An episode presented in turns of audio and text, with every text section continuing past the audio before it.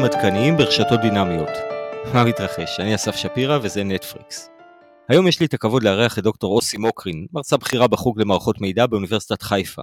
אה, גילוי נאות, דוקטור אוסי מוקרין הזמינה אותי ב-2019 להנחות כנס באוניברסיטה בנושא מדע הרשתות, במסגרתו נתתי הרצאה קצרה על רשתות דינמיות. לצערי אין הרבה כנסים בנושא בארץ, אז דוקטור מוקרין פרצה פה דרך כשיצרה האב של חוקרי רשתות, ומההאב הזה אני נהנה עד היום. אז זה לא מפתיע כי אוסי פעילה מאוד ברשתות החברתיות והדרגה והביטוויניס שלה מדברים בעד עצמם. וכמו שהיא פרצה דרך בארגון הכנס, כך גם היא פרצה דרכים במחקר הרשת, ועל מאמר שלה כבר דיברנו בפרק בנושא רשתות דינמיות. אז אחרי ההקדמה הארוכה הזאת, הגיעה התורה של דוקטור מוקרין. אוסי, מה מתרחש? אה, היי, שלום אסף, אז קודם כל כיף להיות כאן ותודה שהזמנת אותי. בכיף. אז איך הגעתי לעולם הרשתות? אז... אני רק רוצה שנשאל אותך, איך הגעת לעולם הרשתות? כן, בדיוק, איך הגעתי לעולם הרשתות. אז uh, אתה גורם לי לרוץ לנבחי ההיסטוריה, ושמתי לב שהשתמשת המון במילה פרצה דרך, אז uh, בתחילת הדוקטורט שלי פרצתי מחיפה את הדרך לירושלים. הייתי לאוניברסיטה העברית לעשות uh, דוקטורט, הרקע שלי בכלל היה במבוזרים, תקשורת מחשבים וכן הלאה, והבעיות שהעסיקו אותנו אז היה עומסים ברשת, באינטרנט, והיה לי איזשהו רעיון, היה איזה אלגוריתם, ואמרנו, טוב, איך עושים סימולציה? למה משתמשים כדי לדמות את רשת האינטרנט. ואחד המנחים שלי, פרופסור אה, יובל שביט מאוניברסיטת תל אביב, בא ואמר, תשמעו, הייתי עכשיו בכנס ושמעתי על איזה משהו חדש, בא איזה מישהו, מישהו, לזלו ברבשי, וסיפר על uh, עבודה שהוא עושה. ענק, ומתי זה היה? בתחילת שנות האלפיים, 2002, אז התחילו לדבר על זה שרשת האינטרנט נראית, לא כמו שחשבו תמיד, תמיד ידעו שהיא היררכית, אבל uh, פתאום דיברו על דברים כמו עולם קטן והתפלגות זנב ארוך. ולקחתי ככה בקטן, אמר רגע תסתכלי, ואני יודע שבאוניברסיטת BU יש להם איזה סימולטור והם סימלצו שם, אבל בואי נראה אולי אנחנו יכולים בעצמנו לעשות משהו. אז אה, לקחתי את האלגוריתם, את המאמר של אה, אלברט ברבשי, וכתבתי סימולטור ב-C שיוצר אה, רשתות עם התפלגות דרגות פאורלו. זה היה אחד הסימולטורים הראשונים בעולם של האלגוריתם שלהם. אלגוריתם שנראה לי שדיברנו עליו, של ה-preferential attachment? preferential attachment, אבל היה שזה ה-preferential attachment המשופר היה כבר עם rewiring. אז אה, אה, אולי שנייה צעד אחד אחורה, אה, אם אנחנו הולכים מה שנקרא בסדר הכרונולוגי, אולי תספרי לנו איזה שנייה על preferential attachment וקצת על באמת המשופר אז בואו נדבר על מה זה preferential attachment. האמת היא שב-1999 יצא מאמר של שלושה אחים פלוצוס. שלושתם אנשי מחשבים, אני תמיד צוחקת שהם נפגשו בבית אצל אימא ביוון ב Christmas. הם בדקו את ההתפלגות של דרגות של ראוטרים באינטרנט, היה להם את הדאטה, והם אמרו כולם מדברים עכשיו על power laws, אה, בואו נבדוק. ויצא להם מאמר עם תהודה ענקית עד היום יש לו אלפי אם לא עשרות אלפי ציטוטים, שהתפלגות הדרגות באינטרנט היא power law. ומזה כולם שמעו גם על אה, ברבשי, ובעצם אה, ברבשי נתן הסבר להתפלגות הזאת, והטענה שלו, שיש שאומרים שכבר הקדימו אותו בשנות ה-60, יש ויכוח גדול בקהילת הפיזיקה בנושא, הטענה הייתה שבאופן עקרוני אה, יש רפרנס לצומת חדש שנכנס, שמתחבר לרשת, יש לו העדפה למי הוא מתחבר, הוא מתעדף צמתים שהדרגה שלהם גבוהה יותר.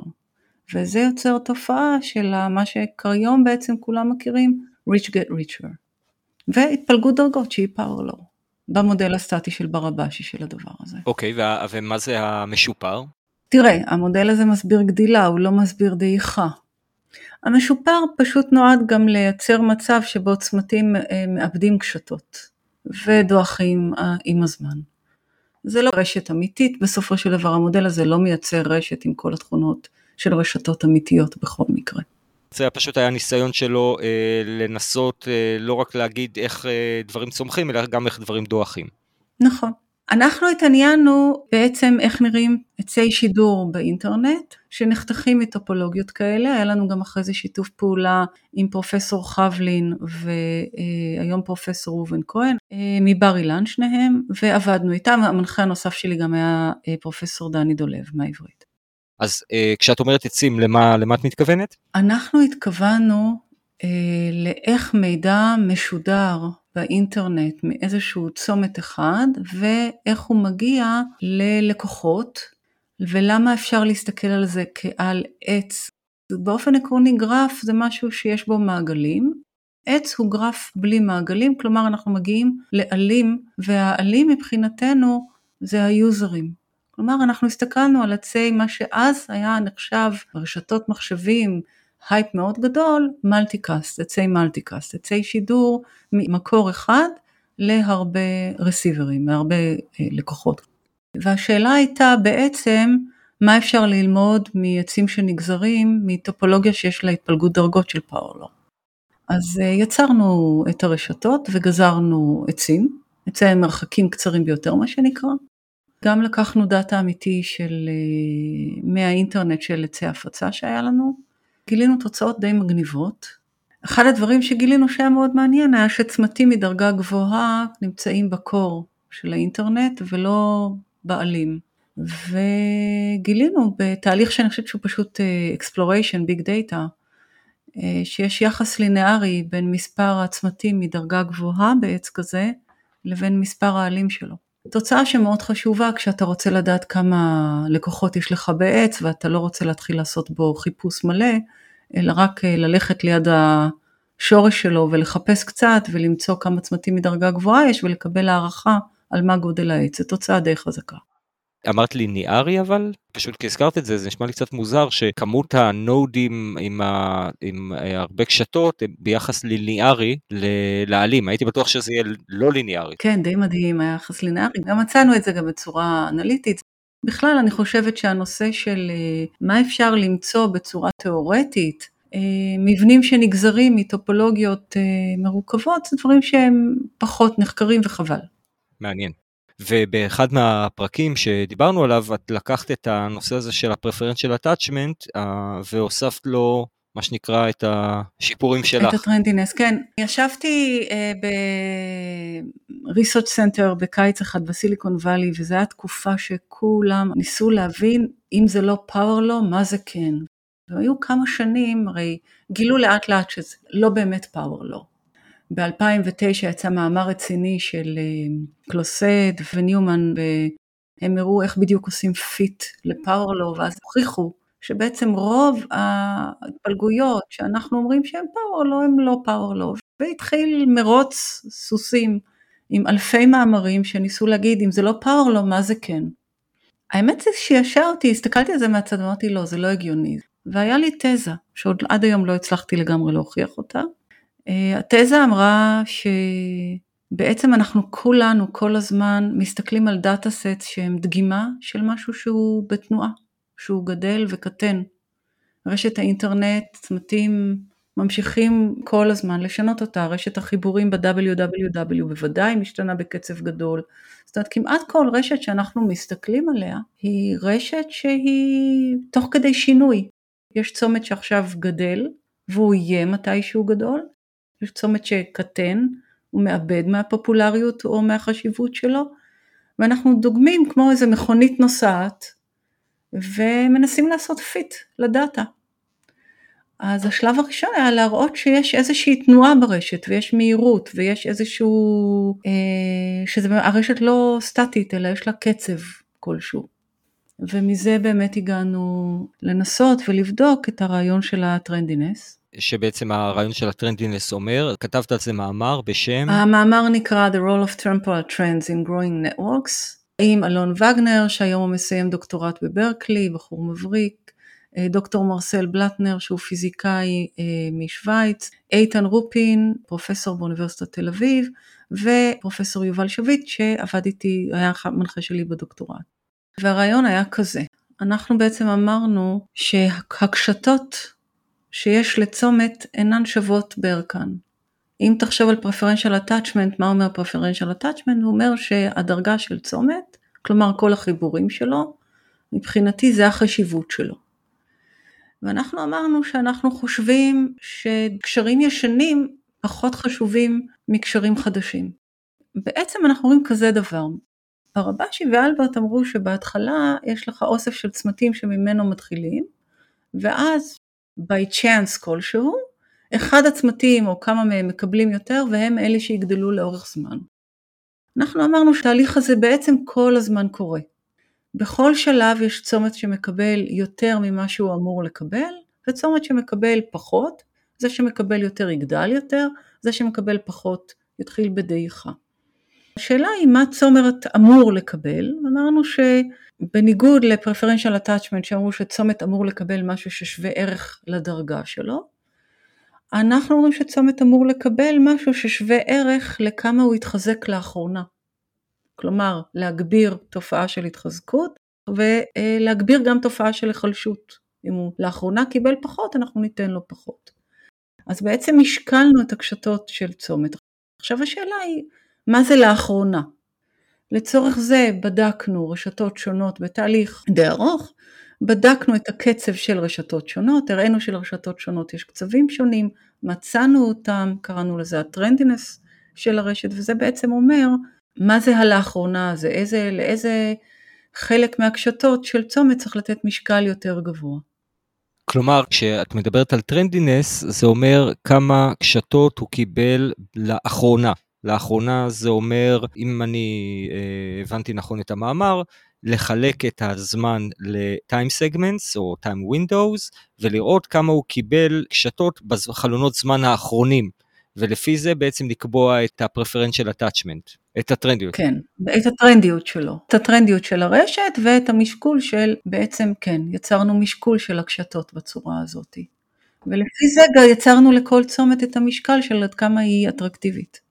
זאת אומרת שמה שקובע אם uh, צומת יגדל זה לא בהכרח כמות הקשרים שיש לו בהתחלה, אלא כמות הקשרים שהוא מקבל בטיים סגמנטס האחרונים. נכון. Uh, אם תחשוב על uh, חברה מאוד גדולה, שעכשיו נוספו לה 100 לקוחות, או חברה קטנה שעכשיו נוספו לה 100 לקוחות. זה בכלל לא אותם 100 לקוחות. זה, זה לא אותו משקל, וצריך להתייחס לזה יחסית לקצב, צריך להסתכל על הקצב שאתה מסתכל גם יחסית לגודל שלך ולמה עשית לאחרונה. אז אה, א', זו דוגמה מאוד יפה, כי אני מסתכל למשל על ה... אה, באפל פודקאסט, יש להם אה, דירוג של הפודקאסטים המובילים למשל בתחום המדע, ומקום ראשון, מה לעשות, זה תמיד עושים היסטוריה עם רן לוי, וכבודו במקומו מונח, ואז פתאום כן, זה אחלה פודקאסט. הפודקאסט כן. הראשון שלי, מה שנקרא. אני חושב, הספתח לרובנו. נראה לרובנו, כן, כן. אז הוא מן הסתם בפרפרנציאל attachment תמיד יהיה גבוה, אבל uh, כנראה שאפל uh, קראו את המאמר, כי הם uh, פתאום uh, פודקאסטים שהם חדשים, צצים ומגיעים, כי כנראה הם צברו הרבה קשרים בזמן האחרון ונותנים לזה, uh, לזה ביטוי, אולי זה... אני חושבת שזה בהחלט משהו שלוקחים שם בחשבון. אז דיברת גם על ההבדלים בטרנדיות בין רשתות שונות, למה הכוונה? אנחנו בקענו בעבודה שלנו על כל מיני רשתות, ביניהם למשל רשת של האזנה למוזיקה, בין יוזרים לבנדס או לשירים, או שכותבים בפייסבוק פוסטים אחד לשני על הקיר, או ציטוטים למאמרים. ציטוטים למאמרים זו רשת יחסית איטית. אה, מאמר מתפרסם, לוקח זמן שמסתכלים עליו, מבינים אותו, עד שיוצאת עבודה שמצטטת אותו. לפני שעברו תשעה חודשים, שנה, מאמר בדרך כלל לא יצבור הרבה ציטוטים. כשאתה עושה פוסט בפייסבוק, אם תחכה חודש, אף אחד לא יזכור שעשית את הפוסט הזה, זה עניין של דקות, שעות, ימים במקרה הגרוע. אז זה קצבים אחרים לחלוטין. אז אני אסביר פה גם את הטרנדיות. יש אנשים שהם יותר פופולריים מאנשים אחרים, אבל עדיין יש כוכבים עולים. אנשים שעכשיו פתאום הנושא שהם מדברים עליו מתחיל להיות חם, או שהם מתחילים להיות, להיכנס יותר לפייסבוק, לכתוב יותר. יש אה, דרכים שלמות עכשיו לדבר על איך אנשים נעשים פופולריים ברשתות חברתיות, לא ניכנס לזה.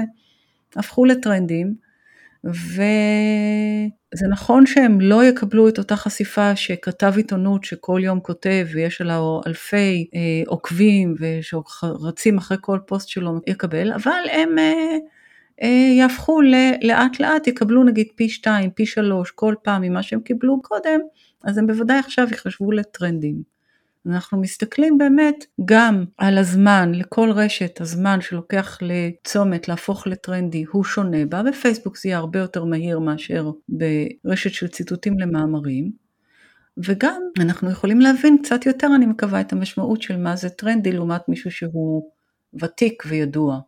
אז אחד מהדברים שאני אה, מצאתי מעניין בסוגיה הזאת של ההבדל בין, ה, נקרא לזה, הדינמיקה ברשתות השונות, זה שאפשר להשתמש ברעיון הזה של המקצב או הטמפו או הטרנדינס של הרשת כדי להבין לאיזה אה, חלונות זמן לחלק אותם. זאת אומרת, ניקח דוגמה שנתת, אז רשת המאמרים, כנראה שלחלק אותה אה, ל-time segments או time windows, חלונות זמן של יום, או שעה, זה כנראה לא, לא הגיוני, אה, והתוצאות יכולות לספר איזה חלונות זמן הם רלוונטיים כדי להביא לידי ביטוי באמת את המקצב הנכון של הרשת. משהו שבדרך כלל אנחנו משתמשים באינטואיציה כדי לעשות, אבל פה יכול להיות שהדאטה יכול לספר לנו את הסיפור. יכול להיות, אנחנו נכנסים כאן בעצם לנושא של רשתות טמפורליות, ואתה בעצם הצעת כבר פתרון לאיך לייצג רשת טמפורלית, אמרת בואי נחלק אותה לחלונות זמן. אז אה, בואי נסיים כאן, אז אם, אם פתרנו את הבעיה, אז, אה, אז אה, סיימנו כאן. אוסי, תודה רבה. כן. רשת טמפורלית זה בעצם, אם נסתכל על זה, זה אוסף של אינטראקציות בזמן. אנחנו יכולים להסתכל על כל דבר כעל אינטראקציות, יש לנו איזשהו סטרים, איזשהו זרם של אינטראקציות, ואתה אומר, בוא נקטע אותו כדי לייצר רשת. נחתוך אותו לימים, לשבועות, או לאיזה שהם מקטעים לפי איזה שהם נתונים, כדי לייצר רשת. אז קודם כל למה אתה רוצה לייצר רשת? כי אתה רוצה לייצר תובנות, תובנות רשתיות, למשל betweenest, מסלולים קצרים ביותר, את זה אי אפשר לעשות על דאטה שהוא רק האינטראקציות הטמפורליות. אה, ולכן יש איזושהי נטייה אה, לקטוע. איך לקטוע ומה לעשות, מה שנהוג לעשות, מה שכולם עושים, מה שאתה גם הצעת, זה להסתכל על דברים שקשורים לסדר יום שלנו, להסתכל על יום, להסתכל על שבוע, אולי על חודש, דברים שקשורים לקצב האנושי, לרית'ם האנושי. וזה כמובן לא מתאים לרשתות אחרות. אה, האם TPA היא הדרך הנכונה אה, לקטוע? זו שאלה מעניינת, אנחנו מסתכלים על זה, עוד אין לנו תשובה. TPA, כלומר? TPA זה Trendy Preferential Attachment. בהקשר הזה, אחת השאלות האחרות שאני הסתכלתי עליהן לאחרונה הייתה, האם יש תגובה והאם אני יכולה לזהות תגובה של רשת לאירועים חיצוניים שקרו. כיוון שאז בוודאות אירוע שהשפיע על רשת גרם לשינוי מבני שלה. אז האם אנחנו יכולים להסתכל על רשת לאורך זמן ולהגיד מתי קרה בה שינוי ומתי לא קרה בה שינוי. זה משהו שמאוד uh, מעניין. מהבחינה הזאת, אם אתה תסתכל בצורה הזאתי, אז החלוקה האופטימלית של הרשת לפרקי זמן תהיה דווקא לפרקי הזמן שבהם המבנה שלה בגלל משהו השתנה. ואז אתה אומר כל זמן שהמבנה שלה הוא בצורה הזאתי, זה הפונקציה היוצרת של הרשת, זה פחות או יותר מספר העצמתים, או שהוא משתנה, אני יכול להסתכל אבל אני יכול לתאר את הרשת, ועכשיו אני רוצה לעשות תיאור אחר של הרשת כיוון שהפונקציה היוצרת שלה השתנתה. אז מעניין, רק לסכם את מה שאמרת, ותקני אותי כמובן אם אני טועה, מה שאת אומרת זה שאני תיארתי מצב שבו אני מחלק את הרשת לפי איזשהו אה, מקצב, טמפו, חלונות זמן כאלה ואחרים, על רצף הזמן, ואת אומרת, רגע, אולי צריך לחלק, לחשוב אחרת ולחלק את זה לפי רצף האירועים ברשת. יכול להיות שאם נזהה אירועים זה ייתן לנו אה, ייצוג יותר נכון של המציאות המשתנה ברשת? זה אחד הדברים שהסתכלנו עליו ובחנו אותו בשנים האחרונות במסגרת אה, פרויקט גדול שהיה לי, כן. אה, זה גם נושא שהוא עכשיו אה, מאוד חם, כמובן יש את הזיהוי אנומליות, אבל בין זה יש גם שינוי, זיהוי של נקודות שינוי ברשת. הרבה פעמים מסתכלים על זה למשל בארגון. האם הארגון עכשיו עובר משבר, או שזו ההתנהלות הרגילה שלו. בסדר? בואו נסתכל רגע על אה, אנשים שאני אתאר לך את שני התהליכים, נסתכל על הקצוות שלהם. יש לי בארגון שלושה אנשים שתמיד מתכתבים אחד עם השני, כל יום הם שולחים מייל. אם אני אסתכל על זה בחלון זמן של יום, אני אראה את המייל היומי שלהם. אם אני אסתכל על זה בחלון זמן של שבוע, אני פתאום אראה שבעה מיילים בין שלושתם, או, או חמישה, תלוי בכמות ימי העבודה. בסדר? אז זה תהליך אחד, שבו פעולה שתמיד קורית ברשת, בין כל מיני אנשים, ככל שאני אגדיל את חלון הזמן שלי, היא תראה לי אה, חשובה יותר, למרות שהיא לא, פשוט לא תפסתי את הקצב שלה. לעומת זאת, נסתכל על תקשורת בין שני אנשים, שקורית פעם בשבוע. אם אני מסתכלת על זה בצורה יומית, יש ימים שבהם אין לי בכלל קשת ביניהם. אם אני מסתכלת על זה בשבוע, יש לי כביכול היה כל השבוע קשת ביניהם, רק בגלל שפעם בשבוע הם מדברים. אז יש לנו פה שני תהליכים שונים, אני לוקחת את זה קצת לקצוות. כשאני לוקחת את הרשת בצורה יומית או בצורה שבועית, הם ישפיעו עליה בצורה אחרת, אבל הם בעצם חלק מהקצב הרגיל של הרשת. אם אפשר להגיד את זה ככה. וזה מה שחיפשתם בעצם לעשות במאמר אחר שאת דיברת עליו, המאמר על נושא של אה, גילוי שינויים? כן, אנחנו ניסינו להבין מתי הקצב הרגיל הזה משתנה, מתי אין לי סתם רעש רגיל, אלא משהו שהוא באמת, אני יכולה להגיד, היה פה איזשהו זעזוע, שגרם בכלל לכל הדפוסים להשתנות. היום מדברים בארגונים על זה שהתורה הארגונית אומרת שארגונים נמצאים במצב מתמיד של שינוי. כלומר, כל הזמן יש מין רעש כזה. אבל אנחנו מחפשים שינוי רציני יותר. משהו בהנהלה, הנהלה מנסה לעשות איזשהו שינוי רציני, יש את ה... נכון, יש את התומכים, יש את המתנגדים, אנחנו נראה הרבה פעולות אצלהם, ואולי נצליח לזהות למשל את הרוב השקט, מי אלה שהם כרגע לא כל כך מעורבים בזה, ואולי אפשר להטות אותם לצד זה או אחר. יש לזה הרבה משמעויות לכל הדברים האלה. ואיך ניסיתם לעשות את זה? אז עם הסטודנט שלי, הדר מילר, הרמנו framework קודם כל של אה, זיהוי אה, שינויים ברשתות. את זה עשינו בעזרת הדרגה המשוקללת. הסתכלנו על הדרגה, על העוצמה של צמתים, לא, לא על הדרגה אלא העוצמה, כמה שיחות כביכול כל צומת ניהל. וחיפשנו, דווקא הסתכלנו על ההתפלגות דרגות, התפלגות עוצמות, וחיפשנו לראות מתי ההתפלגות הזאת שונה משמעותית. אה, הסתכלנו בחלונות זמן שבועיים וחיפשנו את הנקודה שבה אה, באחד השבועות פתאום ראינו שהיה שינוי משמעותי שהוא significant ועשינו מבחני significant. אה, השווינו את זה ל random כיוון זה לא התפלגות נורמלית אז אין מבחנים ידועים, אנחנו עשינו תהליך קצת מסובך של bootstrap על ההתפלגות ולזהות מתי אנחנו, המרחק בין ההתפלגויות הישנה והחדשה הוא יותר גדול, significantly, ממרחק אופייני ל, לרעש. ואז אה, זיהינו שינוי. מדדנו את זה על פני כמה דאטה סטס ובאמת ראינו שאנחנו מדויקים ומצליחים יותר טוב מאלגוריתמים אחרים שעשו דברים הרבה יותר מסובכים. הכוח של השיטה הזאתי, האחד זה היה הפשטות שלה והשני זה שבכלל לא שינה לנו כמה צמתים באו והלכו.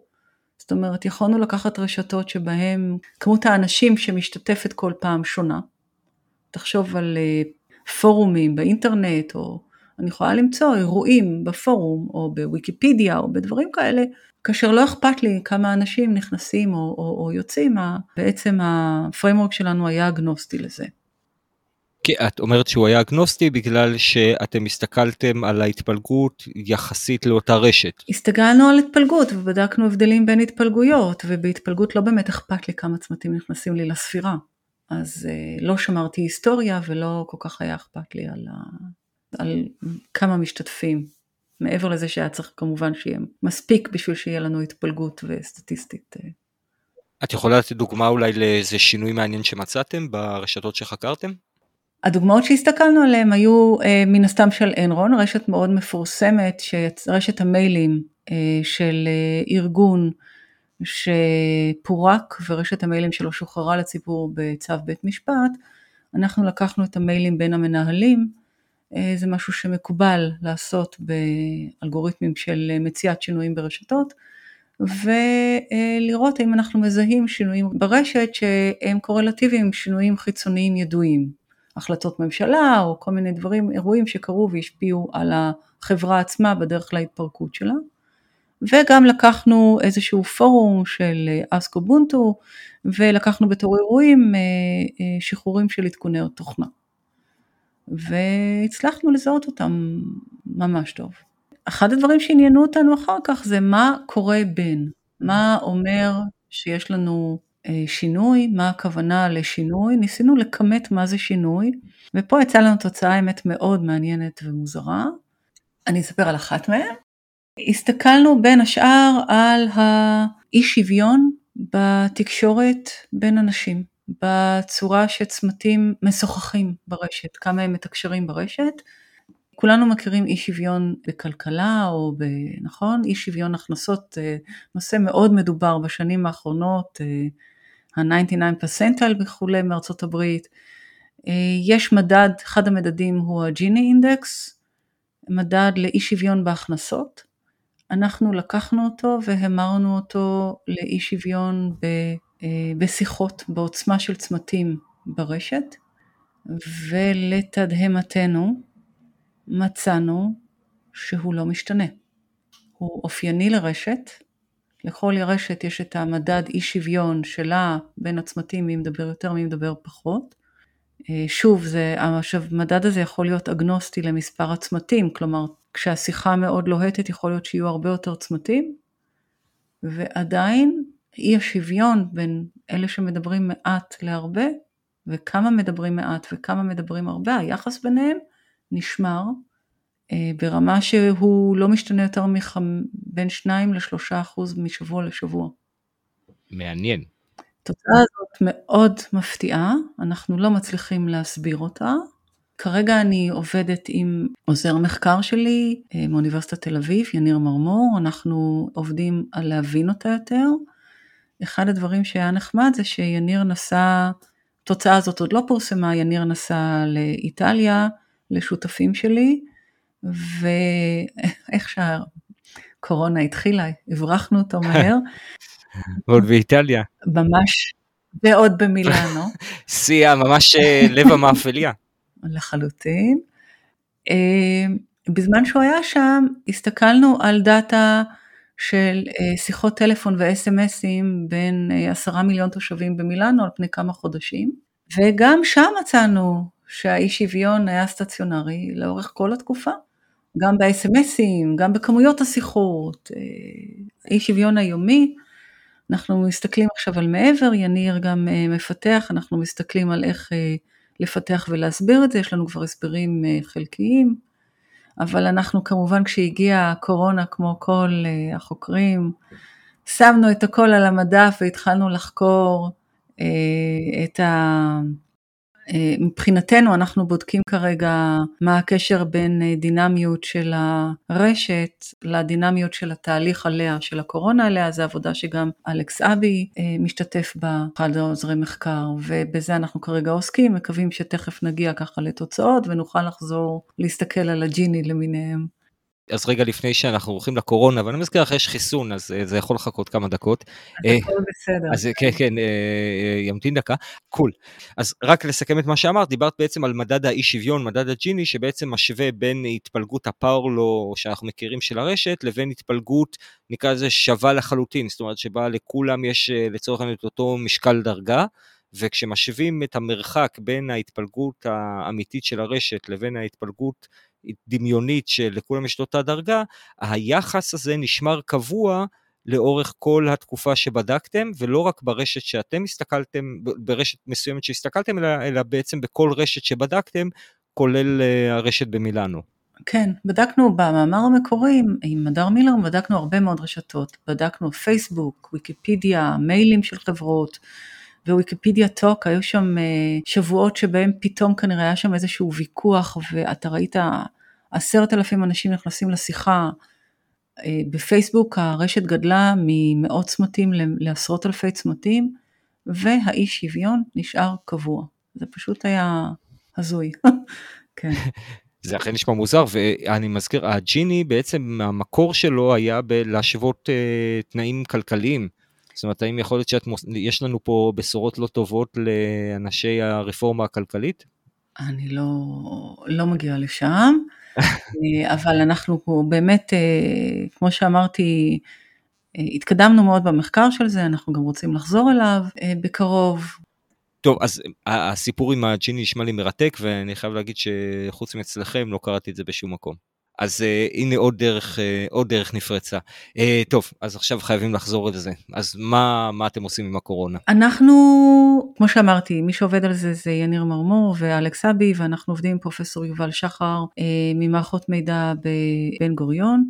Uh, יובל בעוונותיו הוא גם רופא, ואנחנו ישבנו וחקרנו את מהלך ההדבקה של הווירוס. אה, ומידלנו את זה כמה שנקרא היום agent based, כלומר לא כמודל SIR או SEIR שהיום מקובל, או מודל דינמי, אלא ממש אה, לוקחים דאטה אמיתי של אה, מפגשים בין אנשים, ומדביקים כביכול את אחד האנשים, ובתהליך של הדבקה שהוא די ייחודי, אני לא רוצה כרגע להיכנס אליו, מדמה viral load, הצטברות של viral load, אנחנו מסתכלים האם יש הדבקה או אין הדבקה, אנחנו גם ממדלים אסימפטומטיים וממש ממדלים את התפתחות המחלה אצל אנשים בהתאם לגיל ולעוד נתונים.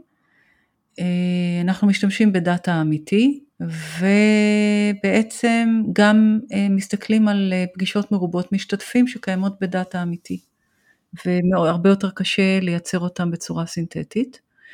ומה שמעניין אותנו בתוך כל הדבר הזה, זה להבין איך הדינמיות של המפגשים ושל האינטראקציות בין האנשים משפיעה על התפשטות המחלה, והאם אפשר לשנות את הדינמיות אה, ולהביא להורדת קצב ההתפשטות. בעצם שינוי דינמי מאוד ברור זה social distancing.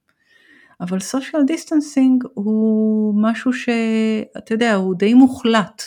אנחנו בעצם לוקחים את הרשת ומנסים להוריד את קצב המפגשים בה בצורה ששומרת על התכונות, ויש לנו תוצאות מאוד מעניינות עם זה, ואני מקווה שנגיע גם אה, לכתוב ולפרסם בקרוב. אז רק נגיד איזה מילה על המודלים שציינת, ה-SIR וה-SEIR, שדיברנו עליהם גם בפרק 9 בהקשר הקורונה. אז uh, המתעניינים יכולים להעמיק בזה שם. כאן רק נזכיר בקצרה שאלו מודלים אפידמיולוגיים להתפשטות מחלה. Uh, מודל SIR, שזה Susceptible Infected Recovered, כלומר המודל הזה לוקח בחשבון אנשים שיכולים להידבק, אנשים שנדבקו ואנשים שהחלימו מהמחלה, כלומר פיתחו uh, חסינות מהמחלה. ומודל ה-SEIR, שזה Susceptible Exposed Infected Recovered, כלומר שכאן מתחשבים גם בכאלה שהם Exposed, כלומר חשופים שהם נדבקים אבל לא מדביקים. מה שמשותף למודלים האלה הם שהם סטטיים, כלומר כדי לעדכן אותם נדרש כל פעם להזין עליהם מחדש את הנתונים. וזה שונה מהשיטה שאת משתמשת בה, נכון? בניגוד למודלים האלה, במקום להסתכל על רשת שלא משתנה בזמן, אנחנו מסתכלים על רשתות טמפורליות אמיתיות. מפגשים אמיתיים טמפורליים בין אנשים, ואנחנו מסתכלים על התפתחות המחלה או, או התפשטות הווירוס ברשת הטמפורלית לאורך זמן, ואנחנו משחקים עם הדינמיות של הרשת בעזרת כל מיני כלים, כדי להבין איך אפשר להביא לזה שהתפרצות תדעך ברשת ולא אה, תתלקח. כלומר, בניגוד למודלים הסטטיים האפידמיולוגיים שדיברנו עליהם, ה-SIR וכדומה, אתם לוקחים איזשהו אה, דאטה סט של רשת דינמית, במקרה הזה רשת של? רשת של מפגשים בין סטודנטים בקופנהגן, ושנאספה במשך כמה שנים על פי חישה בין טלפונים סלולריים. ועל הרשת הזאת בעצם אתם אה, ממדלים, נקרא לזה, הדבקה. כן, וממש את התפשטות המחלה אצל אנשים, אנחנו גם ממדלים גילאים, עולות מזה הרבה מאוד שאלות מאוד מעניינות, וזה פתח אה, פתח להרבה שאלות מחקר שאנחנו מצפים להסתכל עליהן, חלקן תיאורטיות לחלוטין גם. הרשת הזאת שבקופנהגן, אגב, אם אני לא טועה, אני, אני חושב שהעליתי איזשהו קישור לרשת דנית, זו, זו אותה רשת? זה של סונה למן. זו אותה רשת. אם יש להם ממשק ממש יפה, אגב. כן. כן, אז אה, למי שמתעניין ברשת הזאת, אז יש סימולטור מאוד יפה של הרשת הזאת שנמצא באתר, שאפשר יהיה לשחק איתו. אחת מהתזות שלנו זה שאפשר לקחת בעצם כמעט כל רשת אה, סוציאלית, למשל שיחות טלפון בין אנשים, בגלל שהיא רשת טמפורלית, להסתכל עליה ולבדוק איך המחלה מתפשטת בדינמיות שלה ואיך אפשר לשנות את הדינמיות ולעצור התפרצות מחלה. הרבה מאוד מודלים מסתכלים על ההתפשטות בין רשתות. אנחנו מאוד מעניין אותנו בתוך הרשת, בתוך הקומיוניטי, מה אפשר לעשות בתוך קומיוניטי, ולכן הסתכלנו על הדברים האלה. מגניב, ואם הקורונה מאחורינו, אז אפשר בעצם ליישם את זה על אה, נושאים אחרים, נגיד ויראליות לא במובן האפידמיולוגי ברשת? בוודאי, בוודאי, כן, כן, זה חלק מהמחשבות שלנו. יש כל מיני שאלות שעולות היום לגבי אה, נושא חם מאוד, דרך אגב, אה, איך באמת משכנעים, האם פגישה אחת עם בין חמישה אנשים לאורך שעה, היא שוות ערך לחמש פגישות עם חמישה אנשים, מבחינת השכנוע. בוודאי מבחינת ההדבקה יש פה שאלה אז ויראלית, אז בוודאי שיש פה גם שאלה מבחינת השכנוע. אלה דברים שהם בהחלט אה, נושאים בסימני שאלה היום בקהילה ובמחקר. אותי שכנעת. הנה, אחד על אחד, שכנעתי. אה, מרתק. אתה קל בדברים האלה. כן, כן, כבש, כבש ברשת. זה, זה מה שאני, כבש ברשת. דיברת על נושאים חמים במחקר. את מוצאת שאלות פתוחות במחקר שיכולות לעניין? תקשיבו, יש פשוט, זה, זה לא ייאמן כמה שאלות פתוחות יש, כאילו, כמעט בכל נושא, הנושא של רשתות טמפורליות הוא נושא לא חרוש. יש שם הרבה מאוד נושאים, הנושא של ההשפעה ההדדית של הדינמיות של הרשת על הדינמיות של התהליך מעליה, נושא חם מאוד, חלקם פעם קראו לזה ב-2010 כשהתחילו את זה, קראו לזה רשתות אדפטיביות, אבל אה, לא משנה באיזה שם קוראים לזה, כל הדברים האלה הם שאלות אה, פתוחות, אין ספור נושאים. אז אה, אוסי, קודם כל מרתק, ואני במסגרת הפודקאסט, אז הרבה אנשים פונים אליי ושואלים, אומרים, הפודקאסט שלך מרתק ואנחנו מתים עליו והוא שינה את חיינו. כמובן, רק לסטודנטים שלי, אתם רוצים שינוי בחיים, תלכו להקשיב לפודקאסט של אסף. אלפי, זה, זה מדהים, כי אלפי אנשים באמת פונים אליי בגלל הדברים האלה, בזה. אה, ו... לא הבאת אותי, זה רק אה, סתם, נו. אלפי אנשים אומרים, אני רוצה לשמוע את אוסי, למה אתה לא מעלה את אוסי יותר? ברור, ברור. כן. אז, אה, אז באמת, הרבה אנשים שואלים, אוקיי, נשמע תחום מעניין, שכנעת, מה, אוקיי, מה, מה השלב הבא? מה, מה את היית ממליצה לאנשים שמתעניינים בתחום לעשות? אה, כמובן להגיע אלינו למערכות מידע באוניברסיטת חיפה.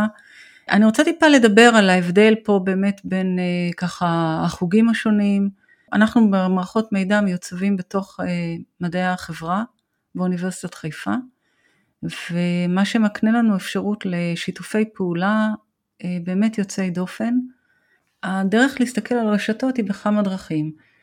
מי התחיל בעצם את הנושא של רשתות? זה התחיל גם אצל הסוציולוגים ואצל אנתרופולוגים דרך אגב גם הסתכלו שם וגם אה, אצל פיזיקאים ומדעי המחשב. מדעי המחשב הסתכלו על רשתות, בדרך כלל מסתכלים על מדעי המחשב, הם הולכים ל-Worst case scenario, מעניין אותם מקרה הקצה, שזה לא המקרה אצלנו כשאנחנו מסתכלים על ביג דאטה. פיזיקאים, פיזיקאים מסתכלים על הכל כעל תהליכים דינמיים, פרקולציות וזה מה שמעניין אותם, ופה אנחנו מגיעים.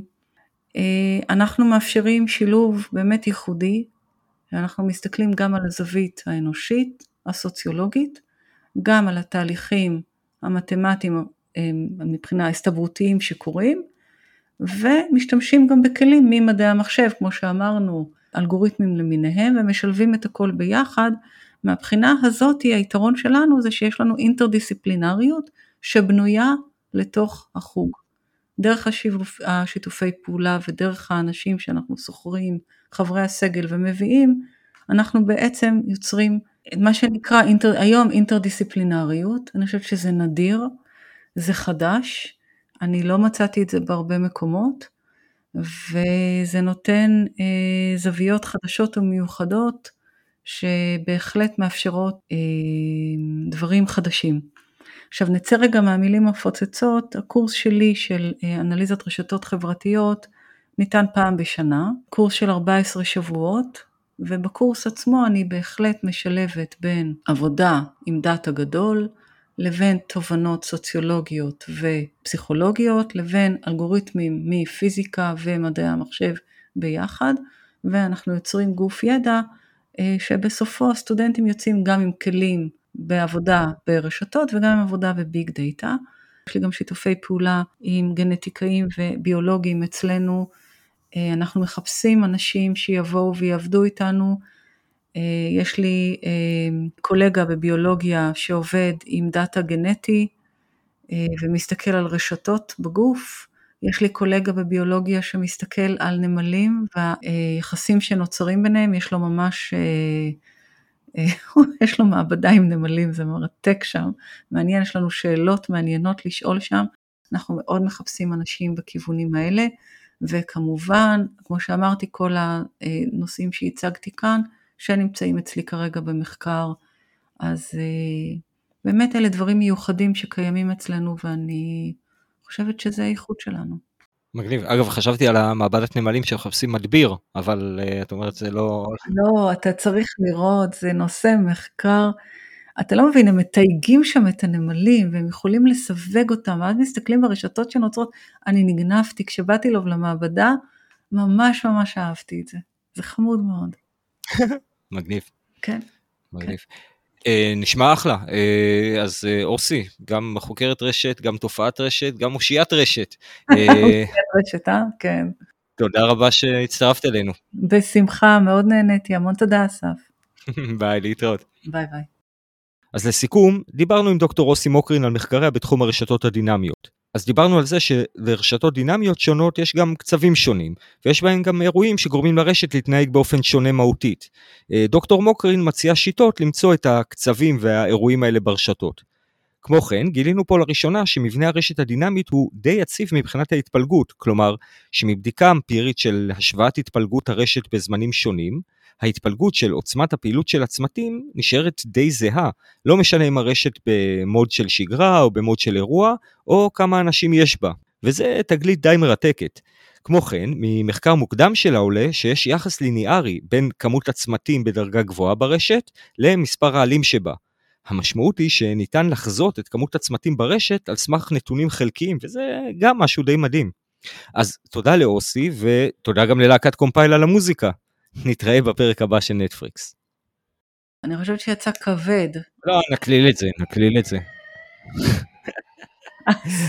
לא, לא, זה אמבולנס. זה אשכרה אמבולנס. כל צוות הניקיון והביטחון עושים פה, פותחים פה כל ערב אה, מסיבה. אז הופתעתי, ממש היה נחמד. אני האמת חשבתי שזה טמפורל. אני יודעת. אז, אז אני צריך לתקן את זה? אני לא אתקן את זה. זה עכשיו מבחינתי זה טמפורל. אין בעיה. הדוגמה הייתה טובה או לעשות דוגמה אחרת? הדוגמה טובה לחננות כאילו. אז... כן, גם יש ילדים, אז אין לך... לא, את תרצי לחזור הביתה או שהבאת סק"ש בזה? כי זה מישהי רשמה בסטטוס שלה שהיא עכשיו עשתה, סיימה את החיסון, אז האם זה אומר שהיא חייבת לחזור הביתה? אה, אוקיי. כן, אז... נחתוך, נחתוך את לא, הדברים האלה. זה לפספוסים בסוף, אני לא יודע אם את עוקבת, אבל זה פינה חדשה כן. אצלנו ב... אה, אוקיי, או, אני רואה, יש שם הרבה. כן. אה, לא, הרבה פספוסים, חלילה, חלילה, הכל אצלנו על הנקודה.